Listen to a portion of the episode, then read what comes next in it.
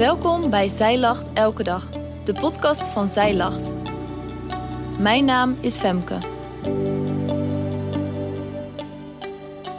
Dit is de overdenking van 27 februari, geschreven door schrijfster Arjanne Azodi Dalami. Als we goed rondkijken, is er overal schoonheid te ontdekken. We zien Gods machtige en liefdevolle karakter terug in zijn schepping, van de mieren tot het sterrenstelsel. Alles wat God gemaakt heeft, heeft een doel. Wij mensen zijn ook gemaakt met een doel, namelijk om God lief te hebben, om Hem te dienen en te eren. Maar mannen en vrouwen hebben wel een verschillend doel gekregen. Daarmee hebben wij de keuze om God lief te hebben en te eren. Vandaag kijken we naar het doel van de schepping van de vrouw, de Ezer Kenegdo. In Genesis 2, vers 18 staat: Ook zei de Heere God: Het is niet goed dat een mens alleen is. Ik zal een hulp voor hem maken als iemand tegenover hem. In het begin schiet God de man, Adam. God zag dat het voor de man niet goed was om alleen te zijn, dus schiep hij de vrouw, Eva, als helper, als iemand tegenover hem. Het Hebreeuwse woord voor helper is Ezer Kechndo. Dit woord is lastig vertalen naar het Nederlands. Het betekent niet simpelweg helper. Het woord heeft een veel grotere betekenis. Het woord Ezer heeft van origine maar twee betekenissen in het Hebreeuws, welke afhangt van de uitspraak. De betekenissen zijn om te redden of om sterk te zijn. In het Oude Testament wordt het woord Ezer 21 keer gebruikt. We kunnen al deze Bijbelteksten verdelen over drie manieren waarop het woord Ezer wordt gebruikt. Ezer gebruikt voor de vrouw. Ezer gebruikt voor naties waar Israël een beroep op deed voor militaire hulp of ondersteuning. En als derde, Ezer gebruikt voor God als helper.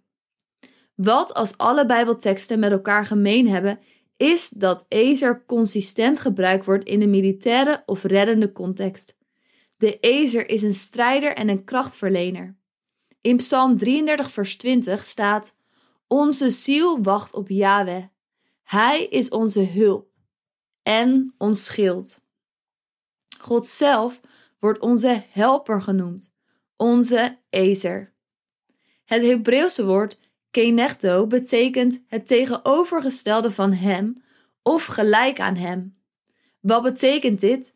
Mannen en vrouwen zijn gelijkwaardig, maar de man en de vrouw zijn wel totaal verschillend van elkaar. Ze zijn tegenovergestelde van elkaar. Mannen en vrouwen zijn zo door God geschapen, zodat ze elkaar nodig hebben, aanvullen, compleet maken en zo een perfecte combinatie vormen. Een eenheid.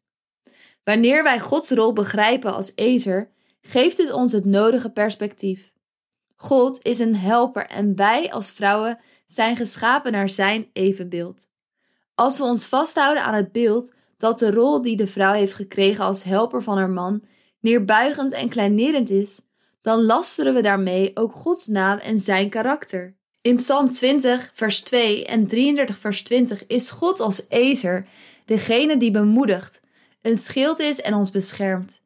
In Psalm 70 is God als ezer degene die ons bevrijdt uit onze nood. En in Psalm 72, vers 12 tot 14 is God als ezer, degene die de arme, zwakke en ellendige redt. God zelf is ons voorbeeld in wat het betekent om een helper te zijn, die past bij de behoeften van de man. Zijn voorbeeld onthult een hoge en waardige roeping voor ons vrouwen om te omarmen. Christelijke vrouwen zijn geen verheerlijkte dienstmeisjes, butlers of koks die wachten op een order om uit te voeren voor een meester. Al is er natuurlijk niks mis met koken en schoonmaken. Maar dit is op geen enkele manier Gods voorbeeld. We zijn geroepen om degenen die onder onze zorg vallen, compassie te tonen, te bemoedigen, te verdedigen en te beschermen. Hen uit de nood te bevrijden en gerust te stellen. We zijn geroepen om kanalen van Gods genade te zijn in onze huizen. Wij zijn geroepen om als Christus te zijn.